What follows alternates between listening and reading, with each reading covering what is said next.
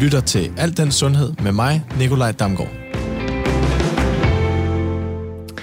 Så er det blevet mandag igen, og vi er klar med et nyt program, Alt den Sundhed, her på Radio 4. Og i dag, der kommer der fuld hus her i studiet, hvor vi øh, skal tale om, hvorfor de blandt andet i Tyskland bruger begrebet, øh, eller begrebet heilpraktik, og i, og i Danmark ikke gør, og hvad en heilpraktiker egentlig er og gør.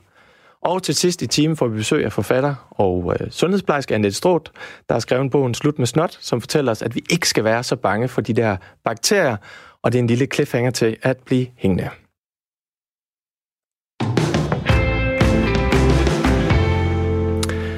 Og jeg er rigtig glad for at kunne byde øh, velkommen til dig, Anna Iben Holmsberg og Morten Honing Charles. Anna Iben, du er uddannet speciallæge og har oveni taget heilpraktikuddannelse og funktionmedicin for USA. Og øh, hvad det er, det kommer vi lidt øh, ind på nærmere, eller ind på øh, senere. Øh, og i dag der arbejder du med privat praksis, hvor du kombinerer din lægeuddannelse med netop din heilpraktikerforståelse i Silkeborg. Morten, du er dansk praktiserende læge, og så er du også forsker ved øh, Aarhus Universitet. Velkommen til jer begge to. Tak for det. Tak skal du have. Lige på hårdt, Anne Eben. Hvad er mm-hmm. en mhm. Jamen, heilpraktiker, det er en øh, tysk uddannet person øh, inden for naturmedicinen. Øh, og i Tyskland har det eksisteret siden 39, eller faktisk før. Øh, og det er en lægmandsuddannelse, skal jeg starte med at sige også. Det vil sige, at den er ikke akademisk. Det er en lægmands øh, retning, hvor man bruger det, man kalder erfaringsmedicin, altså øh, hævdvundne metoder gennem generationer nærmest. Og med stor vægt på kan man sige, mennesketyper, på urter, på kost, på alle de der ting, øh, lidt mere manuelt øh, tit øh, tilrettet er den i forhold til medicinens verden. Og i Tyskland øh, er det en uddannelse, som, man, øh, som er statsanerkendt på den måde at forstå, at man tager til eksamen hos, øh, hos amtslægen, som det hedder dernede, og at man, øh, man skal have en vis basis, øh, faktisk ret høj basis af anatomi og fysiologi og sygdoms, sygdomslære, øh, hygiejne, øh, infektionsmedicin og andre ting. Øhm, og så har det det lidt sjove i det, at øh, Øh, de tyske myndigheder laver den der eksamen for at sikre, at, at halvpartikken, de kan deres stof, selvfølgelig, men de kan deres basisviden, og det er ikke til far for patienterne. Øh, og hvad de så ellers laver derudover, er de sådan måske lidt mere loose med, på den måde at forstå, om at myndighederne siger, jamen, altså, om det er psykoterapi-retningen, du går, eller om du arbejder mere med akupunktur osv., det er ikke øh, deres gebet. Det er egentlig op til en enkelte, om man har succes i klinikken, og det vil ret sig ret hurtigt ind. Men primært så sikrer man sig, at patienterne de ikke er til, eller de ikke får, får skader. Altså patienterne sørger for, at, at folkesundheden er, er værnet, eller myndighederne gør. Og vil du altså, starte med at fortælle lidt også om dig selv og din historie, fordi du er jo også øh, uddannet almen praktiserende læge, øh, men valgte ligesom at arbejde mere med den her sådan helt holistiske tilgang til det. Mm. Mm. Ja. ja, det gjorde jeg. Altså, da jeg startede med at læse medicin i Aarhus i 90, var det vel, øh, blev jeg sådan en lille smule er skuffet over det studiet. Det var meget, meget teoretisk i starten. Øh, og jeg har altid haft interessen inden for kost og ernæring og naturmedicin. Altså, jeg er fra landet af, og jeg er vant til, at landmænd og dyrlæge, de ved rigtig meget om zink forhold til får og til jeg ved ikke hvad. Øh, og det blev, jeg blev faktisk ret overrasket over, at på medicin, så lærer vi bare ikke ret meget om opbygning af kroppen. Vi lærer lige, vi lærer lige basis. Vi lærer ikke at bruge det ret meget.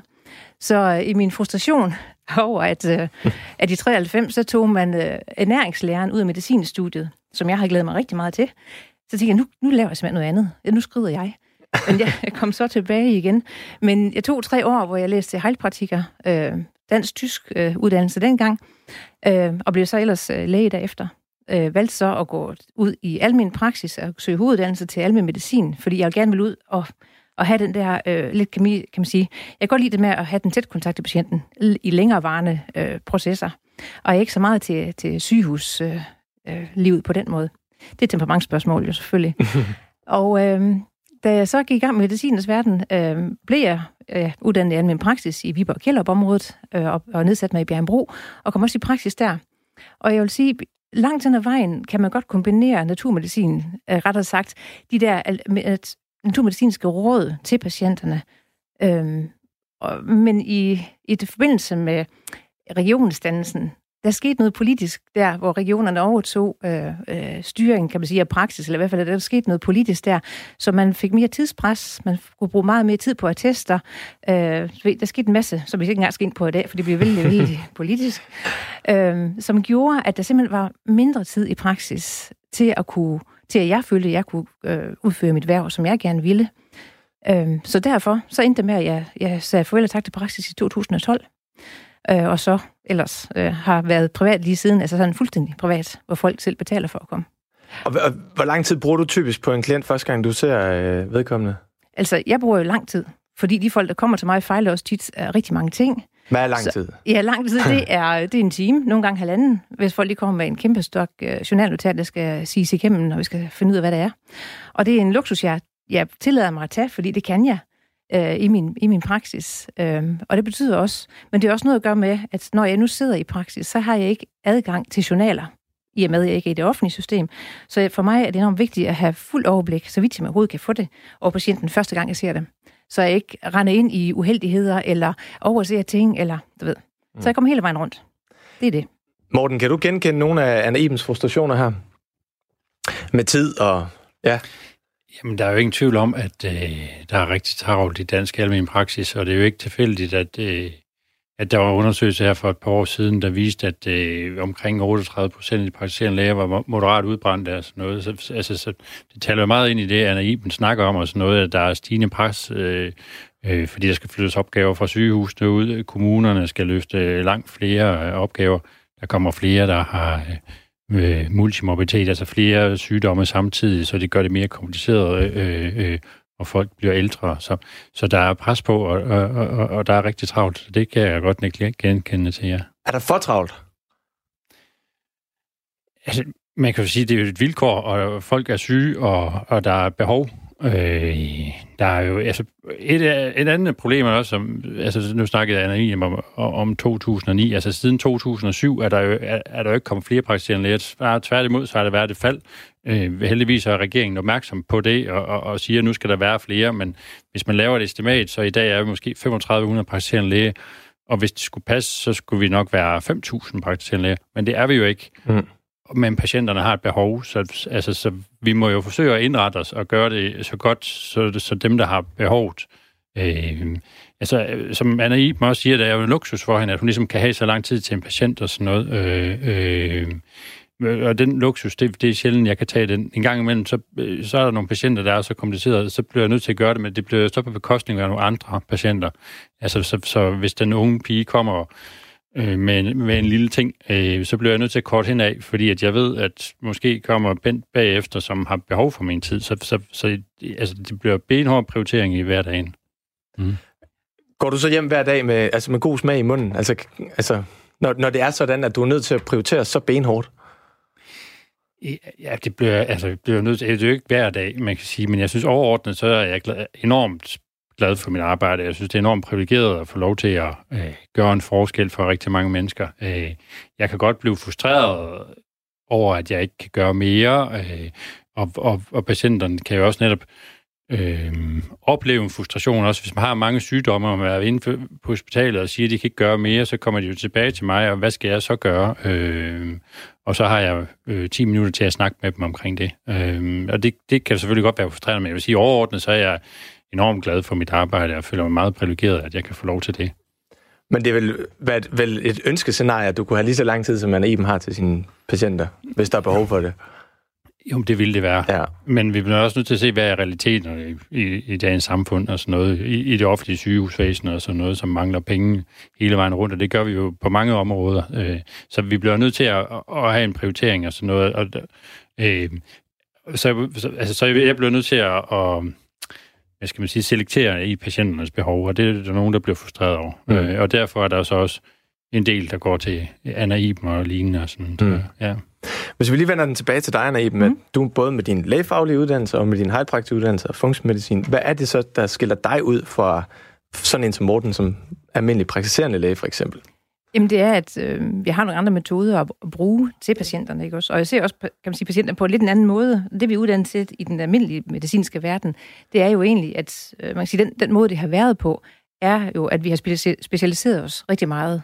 Den til ørenes og hals, øh, lunger, hjertet i etage, hele vejen ned igennem systemet. Og helt, helt klart er der et fælles træk inden for det, der hedder naturmedicin eller holistisk medicin, det er, at man ser patienter mere tværgående men man kobler mere systemerne sammen, vi ser mere langsgående på tingene. Så på den måde har vi et, et, et vi tager altid et bredere vy over tingene. Og vi prøver at se, hvad, hvad hudsygdommen kunne den have et, et øh, afsæt et andet sted, eller migrænen, eller den urene hud, eller hvad det nu kan være. Ikke også? Og det betyder så også, at de programmer, vi sætter i gang med patienter, det er jo sjældent bare lige et organsystem, eller, eller et øh, kimlag, som det hedder i, i det tyske, øh, hvor vi adresserer flere ting på én gang. Og der er vi så lige tilbage, når vi skal snakke om evidens og alt det her, at det er derfor også, at det er vældig svært nogle gange at undersøge, hvad det er, det virker. Jamen, vi har måske ikke set syv ting i gang. Hvad for en af de syv var det så lige der, der gjorde udslaget, eller var det måske sammenspillet af dem alle sammen til sammen? Så det er egentlig en anden, anden form for tænkning, kan man sige, øh, som, som ligger til grund for øh, den måde, jeg lægger øh, kan man sige, programmer for folk på, ikke også? Morten, du markerer. Ja, for det selvfølgelig blev jeg lidt stødt af det her, øh, fordi at, at, at for eksempel her for to dage siden, der havde jeg de nye medicinstuderende, jeg skulle undervise deres allerførste holdundervisning. Og noget af det helt centrale i, i det, jeg snakkede med dem omkring, det var netop den biopsykosociale model. Altså netop det, at det er så enormt vigtigt at se på hele mennesket og sådan noget, fordi vi har måske en tendens, og det er også rigtigt, som Anna Iben siger, at, at vi ser ligesom i organsystemer, og det bliver man også til dels skolet igennem medicinstudiet, men det er bare så vigtigt at holde fast i, og sådan noget, så at sige, jamen, det kan godt være, at det er den øh, ryg, der gør ondt, men der kan også godt være nogle psykologiske eller sociale faktorer, der fylder meget mere, så hvis vi skal gøre noget ved den ryg, så er det alle de andre parametre, vi skal sætte ind på. Mm. Øh, og, og det ved Anna Viber og Iben også godt. Det er også det centrale for, for de praktiserende læger. Det, det mm. forsøger vi faktisk også at, at gå meget op i. Mm. Men for sådan at kridte linjerne helt op, altså hvad er så forskellen på den måde, du er en tiltaget en mm. patient på, i forhold til den Morten og andre praktiserende gør? Altså hvad er det for nogle værktøjer, du bruger? Ja, jeg bruger rigtig meget kost og ernæring for det første, øh, fordi det er kan man sige, grundlaget for, for al uh, heling i, i systemet, og vi tester meget mere for vitaminer og mineraler, end, end, uh, end man kan gøre i det offentlige system. Jeg bruger de test, man kan i det offentlige, zink og B12 og videre, men så sender vi også tit uh, test til udlandet, simpelthen for at få et, et større vy på tingene. Øhm, vores tanke er egentlig i, i det her, det er, at man, man kan ikke lave en helbredelsesproces hos folk, hvis ikke, hvis ikke tingene er til rette. Altså, hvis ikke den cellulære øh, mekanisme er optimeret, så, så er det svært at få, få ting til at lykkes. Øh, så det er altid der, vi starter. Så det er meget med kost og ernæring som, som hele fundamentet faktisk. Og derudover er det jo så, alt efter hvad folk de kommer med. Nogle gange, de har det kredsløb, så arbejder vi i den retning. Andre gange er det mere bevægerbart. Og der er jeg ikke særlig stærk, så der henviser jeg til mine kollegaer i Øst og Vest, alle mulige steder, kiropraktorer, osteopater og hvem ellers øh, jeg synes, det er, vi har i netværket. Øhm, så, så det kommer være, hvad, hvad, folk de kommer med. Men, men fælles for det hele, det er det der med, at vi ser, vi ser kroppen, øh, biokemien, som et, et fælles hele. Vi ser det som en matrix nærmere. Øh, og så vi ser mere på en samlet informationsgrad, og hvad, hvad betyder det for, for samtlige organer. Fordi den biopsykosociale model er jeg fuldstændig med på. Den, den skal vi have med. Men når jeg sådan snakker tværgående i det, så er det lige så meget ind på de indre planer faktisk, at vi kobler organerne på lidt en anden måde, lidt en anden måde at tænke på. Og, øh, og de læger, som, som jeg kender, som også har taget halvpartikeruddannelsen, eller som har øh, taget functional medicine i USA, eller dem, de kolleger, som har kendt især i udlandet, som kommer fra den almindelige medicinske verden og får interesse for det her, det er det lidt som om, man lige skal have vendt kasketten sådan 180 grader, fordi man er simpelthen nødt til at at tænke på lidt en anden måde. Man er nødt til at tænke tre kvart baglands nærmest i, i starten, indtil det begynder at give mening. Fordi vi er skolet i hver vores retning. Altså, det, det, er, lidt, det er lidt det der udfordring, vil jeg sige. Nu hører vi jo, hvad... Ja, Morten. Ja, ja, fordi altså, min tanke det er, altså, når jeg sidder over, min, over for mine patienter, så vil jeg jo gerne gøre, hvad der er allerbedst for dem. Øh, men jeg føler selvfølgelig også et ansvar for, at ligesom, når jeg giver dem et råd, så er det også et råd, jeg ved står indenfor. Øhm, så mit spørgsmål til Anna Iben, det kunne være, jamen, altså, hvis, hvis det virker, og specielt også det med vitaminniveauer og sådan noget, for det synes jeg også nogle gange, så forsøger jeg at snakke med biokemikere omkring det og sådan noget, og der er jo ikke rigtig, nu nævnte du ordet, øh, begrebet evidens, Nikolaj, og sådan noget. Altså, vi har jo ikke rigtig nogen studier, der kan overbevise mig om, altså sige, at jeg skal gå så meget op i det, for jeg har også patienter, der kommer og spørger om formodet det ene eller det andet tredje vitaminniveau. Men hver eneste gang, jeg spørger mine kolleger inde på sygehuset, så siger de, jamen altså, hvis du har en, en generelt varieret kost og sådan noget, så, så får du de vitaminer, du har behov for. Øh, så, så hvorfor kommer der ikke så ikke nogen studier, der kan overbevise mig om, at jeg kan hjælpe patienterne? Mm. Jamen, øh, det, det som er med vitaminerne, hvis nu starter med, med det som udgangspunkt, det er jo også, at, at mange af de studier, som er lavet om vitaminer, det er jo sådan, hvor man giver en lille D-vitamin ind i en, i en hel moras af, af syge mennesker, kan man sige, i deres biokemiske forhold. Og det er jo ikke altid, at sådan en lille vitamindråbe, den egentlig retter ret meget, når det egentlig er et stort samlet hele, vi skal have korrigeret for. Og, og det er nok der, det er lige så meget, fordi det er svært, tror jeg, at lave den gængse klassiske øh, øh, forskning inden for det her område, at vi ikke har det, fordi vi er vant til at tænke på en måde, vi er vant til at måle ting på en sæt og vis. Og så skal vi egentlig prøve at gøre det på en anden måde. Så det kræver en helt anden måde at tænke på, og en helt anden måde at observere på. Og så tror jeg også, at Hanna Astrup giver mig ret i, at altså noget som, som er næringsforskning nok noget af det sværeste i verden. Fordi det er jo det er meget, du ved, folk der melder ind, hvad har jeg fået at spise i går, i forgårs, til sidst 14 dage. Der er meget stor forskel på, altså der, der er mange, mange usikkerheder i det der, ikke også? Så selve den del forskning er, er rigtig, rigtig vanskelig. Mm. Og så som jeg sagde før, nogle gange så er der jo mange ting i gang hos patienterne, fordi der er mange ting, der ligesom hænger sammen.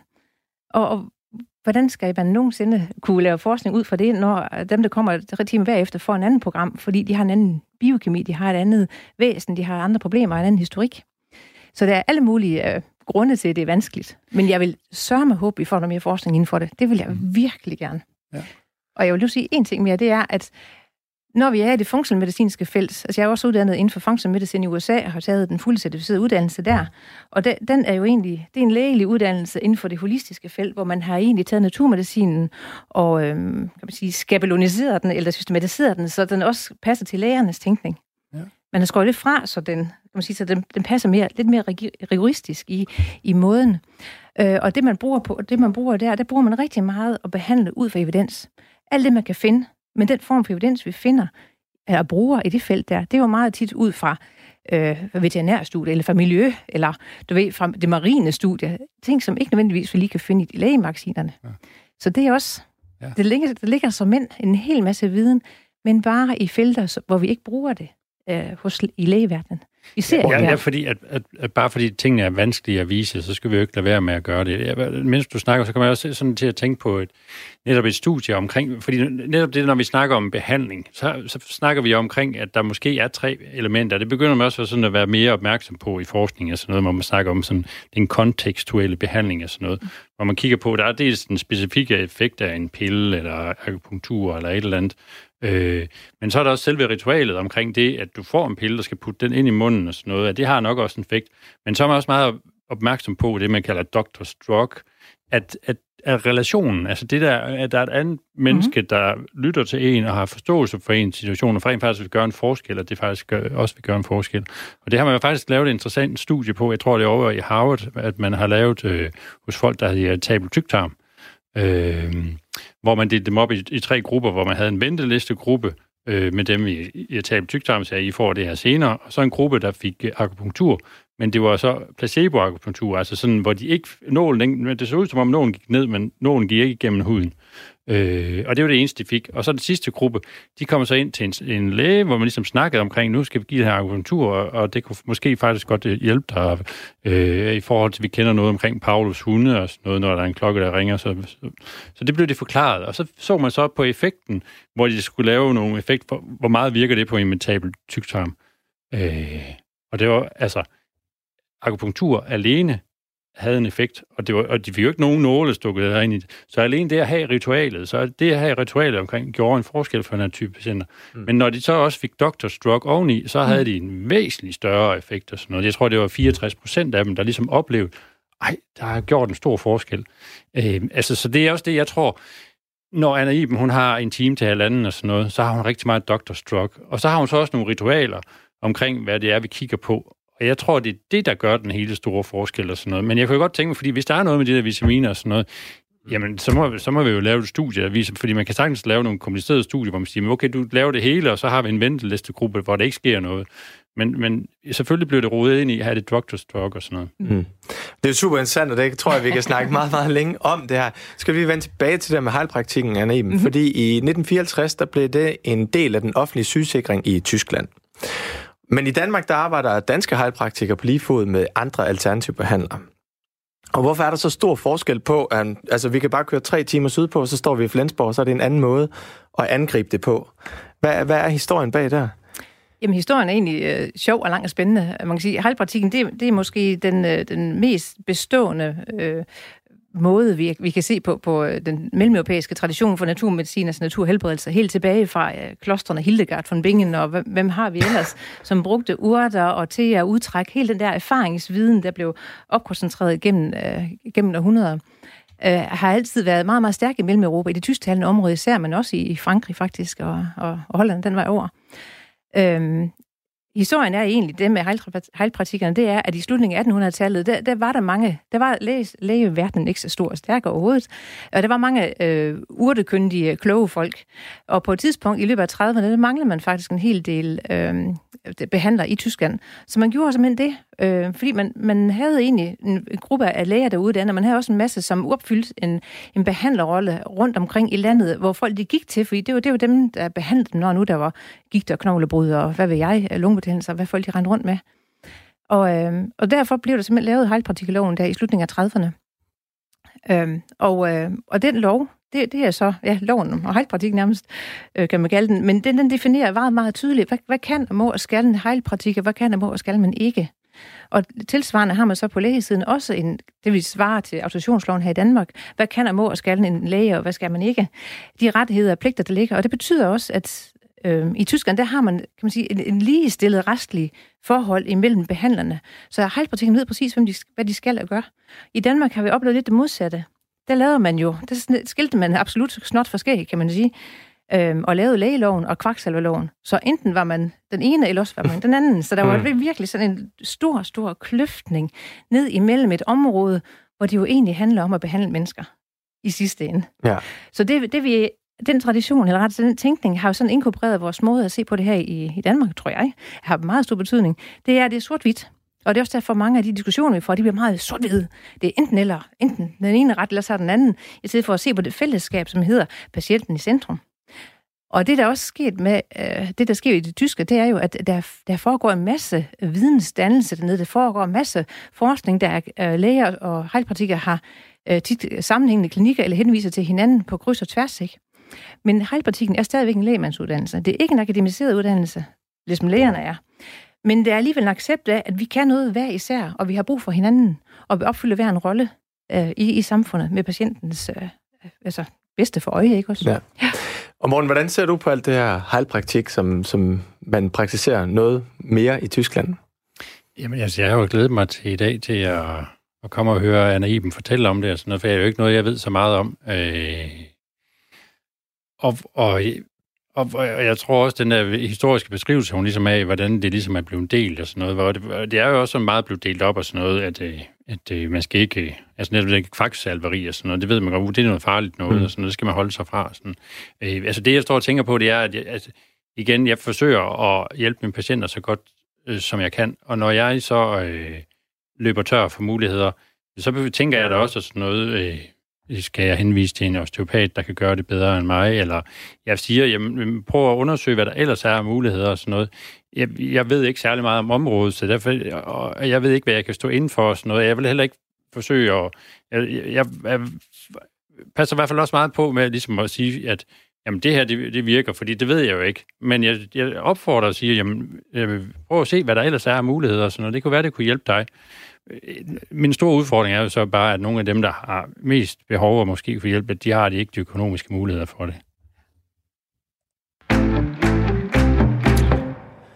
Og velkommen til alt den sundhed, som du lytter til på Radio 4. Jeg har i dag besøg af heilpraktiker og speciallæge Anna Iben Holmsberg og praktiserende læge og forsker ved Aarhus Universitet, Morten Honing Charles. Morten, vi har været lidt inde på det, med, da min producer Louise snakkede med dig tidligere på ugen, om at vi i Danmark gerne vil have evidens for, at vi ligesom går ind i noget nyt. Hvad mener du egentlig med det? Jamen, øh, altså man kan sige, når de offentlige beslutter sig for at bruge nogle penge på noget, så skal de også vide, at de penge, de bruger, at de får noget ud af det.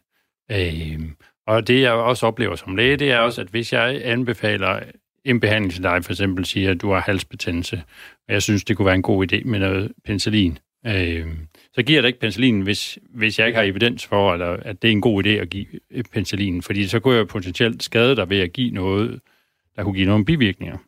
Mm. Så når vi snakker om evidens, så vil vi sige, at, at, at der er en balance mellem effekten og i forhold til de bivirkninger, som jeg påfører dig ved den behandling, jeg giver dig. Men kan man sige, at alt, hvad du foretager med dine klienter, det er evidensbaseret? Nej, det kan man ikke. Det kan man ikke? Nej, Nej, det kan man ikke. Alene det, at man ved fra almen praksis, omkring 25 procent af de patienter, der kommer i almen praksis, de har det, man kalder medicinsk uforklarede symptomer. Øh, og når man har nogle symptomer, som er medicinsk uforklarede, hvordan skal jeg så kunne give noget evidensbaseret i forhold til det? Og så må jeg jo give gode råd. Og mine gode råd, de er jo ikke, de er bare erfaringsbaseret. Øh, Men jeg vil helst have, at jeg kan give et evidensbaseret råd. Men skal det forstå sådan, at, at, altså, at i Danmark kigger man rigtig meget på øh, uh, undersøgelser og forskning, før vi gør brug af det? Altså, er, er det det, derhen, du helst ser det? At, at, at det skal sådan gennemtestes igennem flere år? Hvis man ja, for eksempel hører, at Iben med, ja. kan have god effekt med at arbejde med kosten, skal vi så vente 20 år på studier, der kan bekræfte det, for eksempel? Jamen, altså, det er jo også det... Altså, vi bliver jo nødt til igen at passe på, at vi ikke gør noget i ren begejstring over, at der lige er kommet en studie, som har foreslået det. Fordi man har jo man har jo nogle frygtelige eksempler gennem tiden, og sådan, øh, hvor man siger, at det skal vi bruge. For eksempel det, det mest kendte er måske omkring talidomid, man gav til gravitetskvalme, hvor der så blev født foster med, med misdannelse mm. og sådan noget. Så det er jo ligesom det, meget det, det skal vi jo undgå. Øh, så, det, så, så, så øh, så kan man altid diskutere, hvor lang tid skal det gå, inden vi ligesom tager det op, men, men vi skal stræbe efter, ligesom, at vi har bevis for det. Øh, men hvis vi kan se, at der, er, no, altså, der er nogle patienter, der bliver hjulpet af det, så skal vi også sørge for, at det kommer, den evidens kommer hurtigt. Men det lyder vel meget fornuftigt, den Iben? Absolut. Ja. Øh, lige nøjagtigt, ja. Og altså, viden er jo altid vejen frem, synes jeg, øh, i, i det her felt. Og især når vi er mennesker, jeg gør ikke. Men en anden aspekt i det her, det er også, at, at evidens er især vigtigt, når vi har med rigtig farlige ting at gøre. Det vil sige, når vi skal give mediciner, og det er akut, øh, øh, akutte forhold, vi har med at gøre. Øhm, og det er jo forskellen, kan man sige, på, på øh, den klassiske vestlige medicin, altså også naturmedicinens verden, og det er, at hele, hele hospitalets verden er jo egentlig udviklet til at tage hånd om akutmedicinen, og jeg vil aldrig nogensinde forsværge den del, det kan jeg da roligt sige. Altså alt, hvad det er ulykker og traumer og, og styrtfødsler, og hvad har vi? Altså hele den parade der er det absolut nødvendigt, vi skal, og det klarer sundhedsvæsenet til excellence, vil, vil jeg mene. Operationer, hvad ellers vi har med narkoser og ting og sager. Men inden man kommer dertil, så er der jo tit et liv, der er levet med, med alle mulige forskellige uh, lidelser og, og, og sygdomme, og det er jo der, man ser folk i almindelig praksis, hvor man siger, man behandler og får folk hjem igen og lærer dem at tage hånd om, om tingene. Og det er i det felt, øh, uh, heilpraktikerne har deres, deres kunder virker. Det er det felt, kan man sige, øh, den, den mere kliniske interesserede også befinder sig, typisk ikke også, hvor man har kontakten til mennesker. Og når man er i det felt, så er der lidt, lidt mere tid og ro til at kan give almene råd af forskellige ting og sager, og det er altid rart at kunne underbygge tingene. Nu bruger vi rigtig mange ja, urter og planter i, i, i heilpraktikernes øh, katalog, men hvis man går ind og kigger efter, og det gør vi ikke nødvendigvis på, på medicindelen, så er det jo masser af beskrivelser af studier. Man ved lige præcis, hvilke enzymsystemer i leveren, der bliver påvirket osv. Så, videre. så det er ikke, fordi det er ubeskrevet. Det er ikke øh, ulabula-medicin. Det er egentlig bare gammel naturmedicin. Men man er klassisk vant til i sundhedsvæsenet at bruge det, kan man sige, i farmakologiens verden, altså farmakologisk, receptpligtig. Hmm. Ja. Nå, jeg vil, jeg vil lige sige en, bi, en bisætning her med hensyn til heilpraktikerne i Tyskland, fordi egentlig er det jo sådan, at blandt heilpraktikerne i Tyskland, der, er, der har man apotekerpligtig medicin, som apotekerne har på hylderne altid, som heilpraktikerne bruger, og så har man sådan en receptpligtig til lægerne. Så der er også et todels medicinsk der. Og rent faktisk er det det er ikke så almindeligt, at læger i Tyskland faktisk er heilpraktikere. De fleste læger tager lægeuddannelsen først, og så har de så to års naturheilforfaren oveni, hvis de vil gå den vej i mere naturmedicinsk øh, retning i deres øh, arbejdsliv. Så det, jeg egentlig hørte dig sige, det er det her med, at heilpraktik er jo med andre ord naturmedicin, og at der jo er, faktisk er grundlæggende evidens for meget af det virker. Øhm, men det er vel også vigtigt, at de ligesom tror på det, ligesom vi har været og snakke med omkring det her med placebo og ja. Ja, Dr. Drug og ja. det der. Ja, bestemt. Ja. Og jeg kan sige, det er også noget af det, altså jeg, jeg bruger det jo bevidst. Jeg, jeg giver mig god tid til patienter af, af mange grunde, men jeg er også fuldstændig overbevist om, at det har en betydning, at jeg forklare og gøre ved. Men for mig at se, når jeg nu har været i det her efterhånden snart mange år, øh, det er måske lige så meget det pædagogiske indsats i at forklare patienten, hvorfor fungerer din krop, som den gør. Når du er ondt der, så er det det, så er det ikke fordi, du er ved at dø, så er det fordi, din tarm siger sådan. Du, så det, det er lige så meget måske den pædagogiske forklarende del af det, som gør patienten trygge og siger, nej, så forstår jeg bedre, hvorfor det er, som det er, og hvad kan jeg så selv gøre? Så næste gang det sker, så gør jeg bare sådan. Så Ja, den er jeg helt enig i, ikke også? Men det er lige så meget en pædagogisk indsats, og det var helt klart også den, jeg savnede i al min praksis. Nu kan jeg fuld af mange ord, kan jeg nok høre. Jeg snakker meget hurtigt. Øhm, og, øh, og det der med at ikke kunne nå at forklare patienten, hvad det er, der foregår i deres krop, så de kan gå hjem med viden på et højere niveau, og selv klare jer den næste gang, det synes jeg var sådan en skam. Og der ligger rigtig meget, rigtig, rigtig meget healing gemt i de der, i de der minutter, man har ekstra. Så jeg synes simpelthen, at sundhedsvæsenet skulle udvide konstitutionstiden en smule til folk. Ja. Hvad siger du til det, morgen? Jamen, det kan jeg jo kun bakke op om. At, ja. det, øh, det ville være rigtig fint, hvis de praktiserende læger havde noget mere tid til nogle af de tunge patienter. Øhm, og det kan jo kun, nu skal der være overenskomstforhandlinger med danske regioner, øh, og hvis man kunne finde ud af et eller andet, specielt, fordi det er jo ikke alle, der har behov for det. Langt de fleste danskere har heldigvis det rigtig godt, men der er også en gruppe, som er rigtig belastet af, at at uh, man kan ikke finde ud af, hvad der er galt inde på sygehusene og sådan noget, men de går rundt og har, øh, er udfordret i deres liv af mange symptomer og sådan noget. Og hvordan kan vi hjælpe dem bedst? Fantastisk. Uh, vi er ved der, være der, hvor vi skal lukke en ny gæst ind i studiet. Det lyder til, at vi kunne have snakket flere timer om det her. Det er jo super interessant. Og tusind tak til jer to, Anna Iben Holdensberg og dig, Morten Honing Charles, for at I har lyst til at være med her i dag. Selv tak. Det var en fornøjelse.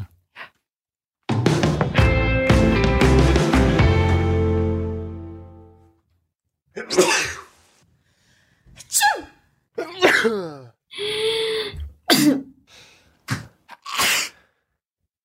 her lyd kender langt de fleste nok af os. Snot, nys og en slem forkølelse, og det er jo højtid for den slags lige nu. Øh, men det er der råd for, mener Annette Strot, der er privat sundhedsplejerske og forfatter. Velkommen til. Tak skal du have.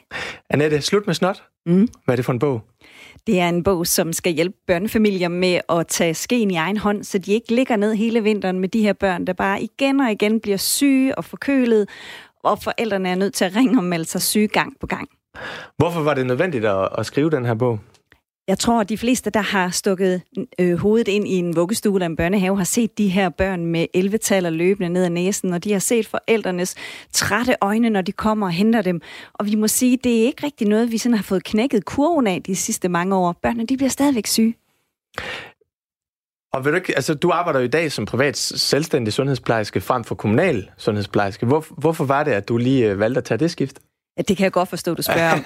altså, jeg har selvfølgelig holdt fast i min passion, som er børn, men øh, jeg har selv tre af slagsen. Ja. Og da den mellemste var helt lille, der var han meget syg, og han havde ondt i maven, og han havde det ikke særlig godt. Men han var jo ikke sådan, han fejlede ikke noget i lægelig forstand. Han trives bare ikke. Og jeg var rigtig nysgerrig, så jeg tænkte, det må jeg kunne gøre noget ved. Der er noget her, jeg ikke helt har fået lært, så jeg begyndte at nørde ned i, hvordan er kroppen egentlig sat sammen, og hvordan er børnenes immunforsvar. Og da jeg fundet ud af det, og ligesom knækket den kode, så fik jeg rigtig meget lyst til at dele det med nogle flere familier. Men det her med, at altså, som, som hvert er nu, eller til, er nu, at det er meget vådt og koldt og sådan noget, og børnene er meget ude i institutionerne. Det er så ikke meget naturligt, at de får forkølelse og bliver snottet det er meget naturligt, at vi møder en masse vira og bakterier, som kan smitte os med forkølelse og influenza og alle de her ting. Men det er jo ikke sådan, vi er ikke bygget til at skal blive syge af det hele tiden. Så hvis vi nu har et immunforsvar, der er super stærkt, så kan vi meget bedre få de her øh, vira bekæmpet, inden de sådan rigtig sætter sig fast. Men selvfølgelig er børn lidt mere udsatte, fordi de øh, har ikke helt så modent et immunforsvar, og de møder rigtig mange bakterier og vira. Så det er egentlig bare for mig sådan en anledning til at sige, hov, her er virkelig en grund til at gøre noget for at styrke børnene. Fordi jeg da vi skulle snakke om det her emne med min producer Louise her på programmet, der snakkede er det ikke bare en naturlig del af det at have børn, altså ja. at være syge? Det er, jo det, det er jo det, man hele tiden hører, så hvis man går til lægen, så får man at vide, det er bare sådan, det er at have små børn, og I skal bare gå hjem og vente på, at det går over. Øh, men det behøver det altså ikke. Jeg har jo heldigvis rigtig god erfaring med alle de børnefamilier, jeg har hjulpet til at sige, hov, vi kan faktisk bryde det her, så de ikke bliver så syge. Og nu har du jo lavet den her bog, Slut med snot, ja. og der er flere øh, emner i bogen. Øh, men et af dem, eller et af de helt store fokuser, det er det her med bakterier. Ja. ja. Er vi i Danmark alt for bakterieforskrækket? Det er vi. Og grunden til, at det her emne fylder så meget i bogen, det er, at vi ved omkring 70-80 procent af immunforsvaret, det sidder altså nede i fordøjelsen og nede omkring alle de her bakterier. Så det er derfor, jeg bruger lidt krudt på det i bogen, fordi her ligger bare en, så, en rigtig stor nøgle for forældrene til at styrke deres børns immunforsvar. Og det vi kan se, det er jo, at hvis vi bliver for sarte, jamen så bliver vi også mere syge. Men Altså sådan noget helt simpelt som det at vaske fingre, inden vi skal spise øh, aftensmad eller sådan noget. Er det ikke meget fornuftigt? Eller? Jeg elsker, du spørger om det, Nicolaj, men det er fantastisk, fordi jeg ved godt, det er jo sådan lidt... Ja, nogen vil måske synes provokerende, når jeg står og siger, at øh, børn skal ikke vaske fingre, og jeg siger også, at de skal gå ud og spise nogle regnorme. Men jeg vil også skynde mig at sige, for det, det handler om, det er at lære skældne. Så er man på et sygehus, hvor der er syge mennesker. Hvis 20 børn skal have fingrene ned i den samme skål gullerødder, så skal vi selvfølgelig have brudt nogle smittekæder. Men hjemme hos sig selv, der vil jeg faktisk sige, at selvom man har været ude at lege i sandkasten og skal ind og spise en robrødsmad, så skal man ikke vaske fingre først, for vi har godt af at blive hærdet. Men det er jo noget, der ligger så dybt forankret i, i os selv som, hvad skal man sige, forældre, men, at, men også selve institutionerne eller vuggestuerne, det her med, at børnene skal simpelthen vaske øh, hænder inden.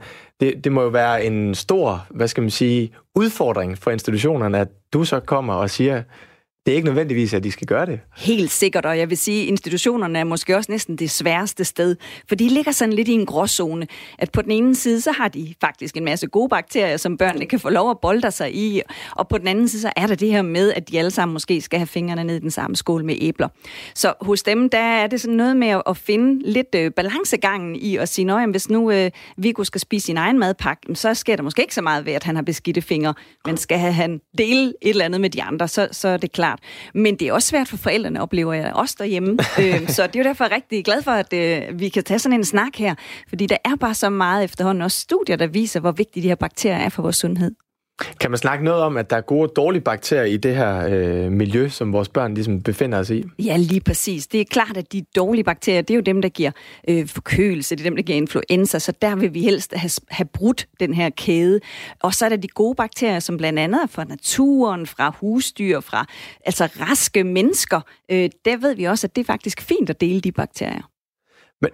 Nu er jeg jo øh, far til to små børn, og, og hvis jeg sådan øh, var tvivlende på dig, det er jeg jo ikke, men hvis du skulle overbevise mig som forælder yeah. om, at øh, mine, mine børn de skal have en større øh, tilgang af, eller råderum over de her bakterier, hvad, hvad, yeah. vil, hvad vil dine argumenter så være? Jamen, så vil jeg jo begynde at dykke ned i kassen af de studier, vi har, der viser, hvordan bakterierne påvirker vores immunforsvar. Og det er der faktisk en lang række af, også i forhold til børn. Så vi ved, børn, der er vokset op på landet, børn, der er vokset op med søskende, børn, der er vokset op med hunde, faktisk jo flere hunde, jo bedre.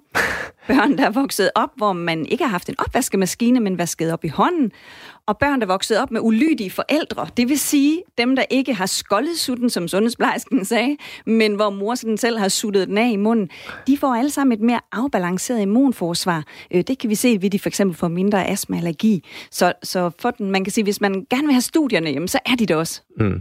Ja, fordi jeg ved, du refererer til det her med studier, at, at det, man kalder landbørn, altså dem, der er vokset op på landet, og netop med en større, hvad skal man sige, rådrum af, af husdyr og sådan nogle ting, ja. de er, det er vist, at de er mindre syge end ja. børn, der er vokset op i, i byerne. Lige præcis. Og jeg vil også sige, at der er selvfølgelig flere ting, der spiller ind. Det kan også være, at de har spist lidt anderledes. Så det er jo, når vi sætter alle de her studier sammen, at vi begynder at få det her billede af, nå ja, øh, vi skal ikke være så bakterieforskrækket med de gode bakterier. Og, og det bliver også kaldt for hygiejnehypotesen, at vi simpelthen er blevet for sarte. ja.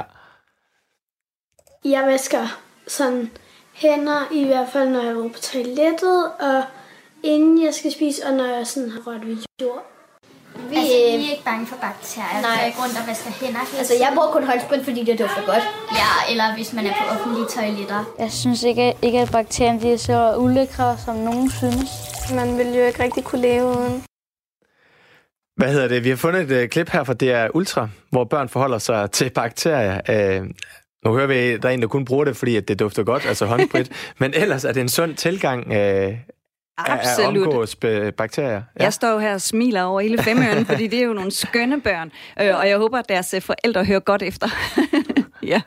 Hvad, hvis, er der nogen, altså, hvad siger lægevidenskab, når du er ude og præsentere? Nu, nu snakker vi om, der er forskning og sådan nogle ting, men er de åbne over for, at, at det er en sådan lidt en, det er jo en lidt anden tilgang, end det vi er blevet opdraget med i rigtig mange år? Ja, jeg vil sige, at rigtig mange læger er jo efterhånden også øh, meget interesseret i det her med kroppen indefra, og kan godt se, at der er forskel øh, på, hvad for nogle bakterier vi møder på et sygehus, og hvad for nogle vi møder derhjemme. Men dem, som kommer meget til mine foredrag, det er jo også forældrene, for de er så kede af, at de her børn bliver syge, og det påvirker hele familien, og familien bliver træt, og bedsteforældrene skal ind over osv., så, så, så det er meget forældrene, kan man sige, der henvender sig til mig.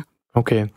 Og øh, lidt tidligere, der var du faktisk inde på lige at kort nævne det her med, at vores fordøjelse har en enorm stor betydning for at styrke vores øh, immunforsvar. Kan du fortælle lidt mere om øh, det? Ja, meget ja. gerne. Og immunforsvaret er jo et bredt emne, og nu ja. det er så dejligt her at snakke om bakteriefordøjelse, for det er en stor del af det. Jeg vil bare lige sige, selvfølgelig er der også flere dele af det, og vi kunne jo snakke om det her timevis. Øh, men fordøjelsen, igen 70-80% af immunforsvaret, og der kan man jo sådan helt dagligdags gøre en stor del med at spise varieret, og egentlig, det er jo ikke raketvidenskab, det ved vi godt, vi skal have nogle gode fiber, vi skal spise grøntsager. Nogen er måske heller ikke helt opmærksom på, at der findes masser af gode bakterier i vores mad, og det elsker vores tarmsystem også. Så man kan spise øh, mejeriprodukter, der er syrnet, man kan spise fermenterede grøntsager, man kan drikke kefir og alle de her ting, som faktisk indeholder nogle gode bakterier. Så der er ligesom nogle genveje, hvor vi kan booste børnene med sådan en helt almindelig hverdagssundhed. Ja, fordi det er, jo ret, altså, det er jo ret stor mængde af bakterier, vi faktisk har i vores øh, fordøjelse. Kan du... Helt vildt. Altså, der er sådan lidt forskellige måder at tælle det på. Nogle siger, at voksne mennesker har omkring 1-2 kilo bakterier. Nogle siger, at vi har 10 gange så mange bakterier, som vi har celler i hele kroppen. Øhm, så, så det er sådan nærmest et helt øh, lille samfund i sig selv, vi har dernede i fordøjelsen.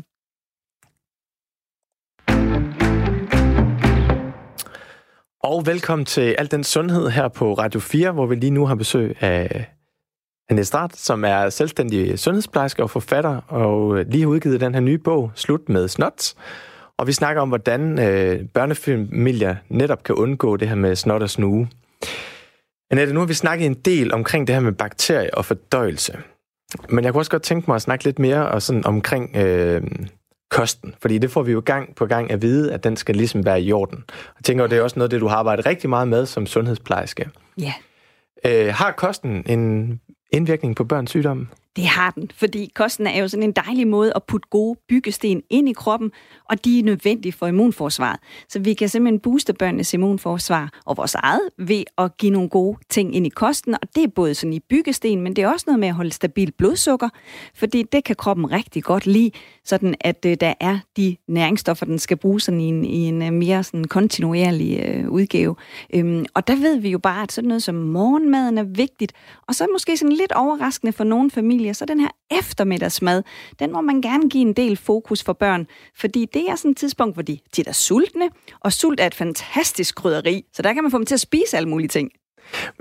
Og jeg kunne godt tænke mig at gå lidt med ind i, i de to dele, men hvis vi lige tager det, det stabile blodsukker først, fordi det hører vi rigtig tit. Ja. Men hvorfor er det vigtigt i forhold til snot og snue? Ja, et stabilt blodsukker betyder jo, at øh, for det første, vi får ikke så mange cravings efter søde ting. Så vi har mere tendens til at spise det, der er sundt, og det gælder også for børn, så de måske har lidt mere lyst til at smage på, på blomkålen, eller hvad det nu kan være. Øhm, immunforsvaret er også sådan, at, det, at det bliver også påvirket for eksempel af sådan noget som C-vitamin. Og hvis vi har et blodsukker, der smutter op og ned, så kan vi også nemmere forbruge noget af vores C-vitamin i kroppen, så der ikke er så meget tilbage til immunforsvaret.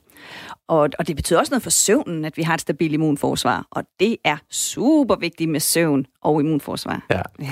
Men hvordan skaber vi så det her stabile blodsukker ved vores mm. børn? Altså hvis vi skal gøre det lidt konkret for vores lytter, hvad, hvad er det? Det er, ja. jo, det er jo ikke en sneakers, de skal have. Nej, sjovt nok. Nej.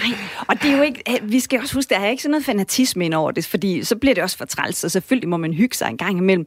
Så det er hverdagen, der tæller. Og øh, det, det handler om, det er at kombinere, så man har både nogle gode sunde kulhydrater, man har nogle gode sunde fedtstoffer, og også nogle proteiner til alle måltiderne. Det er en kæmpe hjælp til, til blodsukkeret. Og hvad kunne gode fedtstoffer til, til børn være, for ja. eksempel? Jeg er vild med at anbefale nødesmør. Så vi ja. snakker peanut butter, mandelsmør, cashewsmør, alle de udgaver, man nu kan finde. Det, der er fantastisk, det er, at det indeholder også en masse gode vitaminer og mineraler, og så de her sunde fedtstoffer. Og nødsmør er noget, som også små børn må få, fordi nød er også godt, men det kan små børn få galt i halsen. Øh, nødsmør kan man både smøre på brød, man kan smøre det på øh, et stykke frugt, man kan putte det i en smoothie, man kan putte det på alle mulige måder. Så det er sådan helt konkret. Ja. Og så kunne jeg godt lige tænke mig at vende tilbage til det andet, det her med, at du sagde med måltiderne. Fordi sådan helt konkret, så er det virkelig noget, der sådan kan virke øhm, provokerende i min omgangskreds, det der med, at vi siger, at vores børn, de spiser primært morgenmad, og så det andet store måltid, de får, det er faktisk det der eftermiddagsmåltid. Yes. Tit så spiser min søn kun nogle grøntsager til aftensmad, fordi det er egentlig ikke der, men han spiser utrolig meget til eftermiddagsmåltid. Og det er tit en, noget, jeg skal stå til mål for. Og jeg ved, at du er meget enig med mig. Fuldstændig. ja. ja.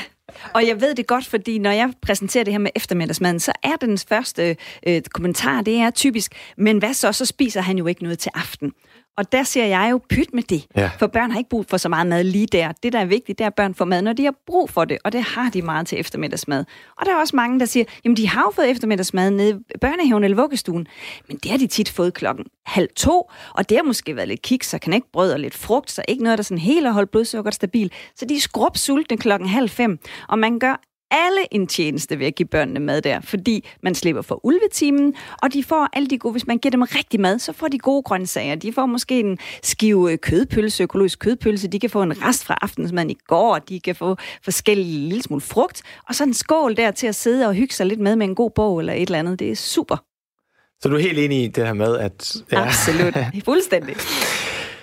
Hvad hedder det? Øhm, og vi har jo faktisk fået rigtig mange gode råd, og nogle af dem er selvfølgelig overraskende, og jeg ved også, at nogle af dem kan være virke provokerende for nogle af dem. Altså, vi har for eksempel et øh, familiemedlem, som øh, ynder, at øh, hendes barn skal spritte fingre af, uanset hvor de skal hen. Så hvis de skal ud og handle, så bliver først indkøbsvognen spritet af, og barnets hænder bliver spritet af, hvilket resulterer i, at nogle gange så har barnet sår i, i hænderne.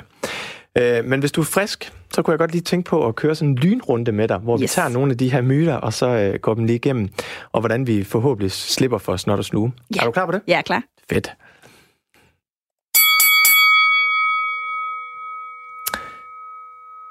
Annette, skal man vaske hænder inden aftensmaden? Nej. Nej. Fordi aftensmad er derhjemme rigtig tit, så der er vi i vores egne omgivelser. Og hvis ellers alle er raske, så øh, har vi godt af hinandens bakterier. Skal man skolde sutten? Nej, hvis ens barn er sådan helt almindelig sund og rask og ikke født for tidligt, eller har nogle særlige udfordringer, igen, så er vi derhjemme. Hvis man nu er på besøg et sted øh, hos nogen helt fremmede, så er det fint nok. Men øh, hjemme hos os selv, der behøver vi det ikke. Skal man i bad hver dag? Nej, absolut ikke. Øh, det har faktisk hverken børn eller voksne godt af. Det slider på huden, og huden også, har også øh, sådan beskyttende bakterier. Øhm, og i det hele taget, så er det også bare med til, at, ja, øh, at vi igen skal være ikke bakterieforskrækket, og det er godt at holde fast i. Og så en, vi har været lidt inde på, men hvad er de vigtigste måltider på dagen? Ja, for børn, der er det rigtig ofte morgenmaden og eftermiddagsmaden. Og det, det skal man ikke tænke over, at de så ikke får så meget aftensmad. Nej, øh, altså. man kan sige, at det er nu et stort barn, der skal afsted til spejder bagefter. Jamen, så kan man selvfølgelig time det lidt øh, i forhold til det, men de fleste børn har ikke brug for sådan specielt meget aftensmad. De kan jo sagtens sidde med ved bordet, de kan sagtens smage lidt på maden, for det er rigtig godt at smage forskellig mad. Vi har godt af ikke at blive kredsende. Så man kan sagtens være der og snakke og hygge og sådan noget, men pyt med, at det ikke er store mængder, der ryger ned. Og så er der jo de her officielle anbefalinger, at man anbefaler D-vitamin til alle børn under to år. Er det kun til børn under to år, der skal have D-vitaminer? D-vitamin er så vigtigt for immunforsvaret. Det betyder utrolig meget for, om man bliver snottet eller forkølet eller ej. Og vi bor et sted i verden, hvor vi slet ikke får nok D-vitamin fra solen, som jo ellers er den kilde, vi skal have det fra. Så vi skal alle sammen have D-vitamin, også når vi bliver over to år. For de børn, der er to år, de holder ikke op med at have flyverdragt og termotøj på om vinteren. Og sidste spørgsmål her. Kan man snakke om, at landbørn får for mange bakterier? Nej, det kan man egentlig ikke. Øh, landbørn er typisk lige præcis hærdet, lige fra de er helt små. Og øh, med de bakterier, de møder, så bliver de rigtig tit stærke og robuste. Fantastisk, så fik vi øh, aflevet øh, nogle myter her på den her lynrunde. Annette, nu har du jo skrevet den her bog, ja. Slut med snot. Er der andre sådan emner, du tænker, når vi snakker børnesundhed, der, der ligger der på hjertet, som vi kan for, forvente en ny bog af? det er et dejligt spørgsmål. Jeg kunne have mange bøger i, øh, i rygsækken. Det kunne handle om det her med allergi og astma, eksem. Det kunne også handle om sådan nogle maveproblemer, fordi vi har rigtig mange børn, der går rundt med forstoppelse i Danmark. Omkring 40.000 pakker afføringsmiddel til børn bliver der solgt om året i Danmark. Øh, der er alt det her omkring reflux, som også rammer rigtig mange små babyer. Så ja, der, der er nok at tage fat på. Og hvad er lige reflux? For ja, de reflux, ja, det kan jeg godt forstå. Hvis man har en baby, har man måske hørt om det. Men det er det her med, at børnene græder rigtig meget, fordi der er noget mavesyre, der ligesom driller op i spiserøret. Og nu snakker du ind og snakke øh, allergi og astma, de her ting. Med de ting, du ligesom arbejder med, med den her sådan lidt holistiske tilgang til det, vil du mene, ja. at man kan afhjælpe mange af de problemer, når vi snakker allergi og ja, astma? Det er jo sådan, man kan sige, to sider af den samme sag, fordi at allergi og astma eksem er også et overreagerende immunforsvar. Så det er igen den her ubalance inde i kroppen, som faktisk kan sætte gang i det. Så ja, absolut. Og det samme også, nu, nu, altså nu snakker vi fordøjelsesproblemer. Jeg ja. tænker, altså rigtig mange børn får jo øh, nærmest kronisk øh, movikol udskrevet. Præcis, ikke? lige nuagtigt. Og det kan man også gøre... Det kan man nemlig også gøre en hel masse ved. Igen, når vi kigger efter årsagen, det er jo sådan, at vi er rigtig gode til at hjælpe øh, både børn og voksne her i landet. Det skal vi på alle måder blive ved med. Men nogle gange så kommer vi til at symptombehandle i stedet for årsagsbehandle. Og når vi bare kigger efter årsagen, så kan vi komme rigtig langt. Fantastisk. Og uh, Annette, her afslutningsvis, så kunne jeg godt lige tænke mig, hvad er dine bedste anbefalinger, hvis man nu er en småbørnsfamilie, til at komme i gang med at styrke sine børn og, og stoppe det her slut med snot? Ja, det første, det er helt klart at få nogle gode bakterier ind i hverdagen. Det kan være i maden, og det kan være i omgivelserne, og man kan også skyde en genvej med nogle kosttilskud, hvis man øh, har lyst til det. Øh, så er det for sovet nok alle mand og det er rigtig vigtigt at få slukket for de der skærme om aftenen, for ellers får vi slet ikke nok ud af vores søvn. Og så den der D-vitamin. Der vil man rigtig kunne nå rigtig, rigtig langt. Og ellers vil jeg selvfølgelig sige, øh, læs bogen, fordi der er masser af gode tips. Nu var du inde og snakke det her bakterie. Altså nu, du nævner lige kort, at man kan få det tilført via kosttilskud. Hvad er det for ja, nogle... det er det, man kalder for probiotika eller mælkesyrebakterier. Det kan man nemlig også få til børn i alle aldre, både som dråber og pulver osv. Og, og der har vi altså også rigtig gode studier, som viser, at det har en betydning for immunforsvaret, og også til at slippe for eksempel for de her snot- og luftvejslidelser. Fantastisk. Annette, det har været en kæmpe fornøjelse at have dig ind og mærke din tak. begejstring for, øh, for hele den her passion. ja. Tusind tak, fordi du havde været med. Tusind tak.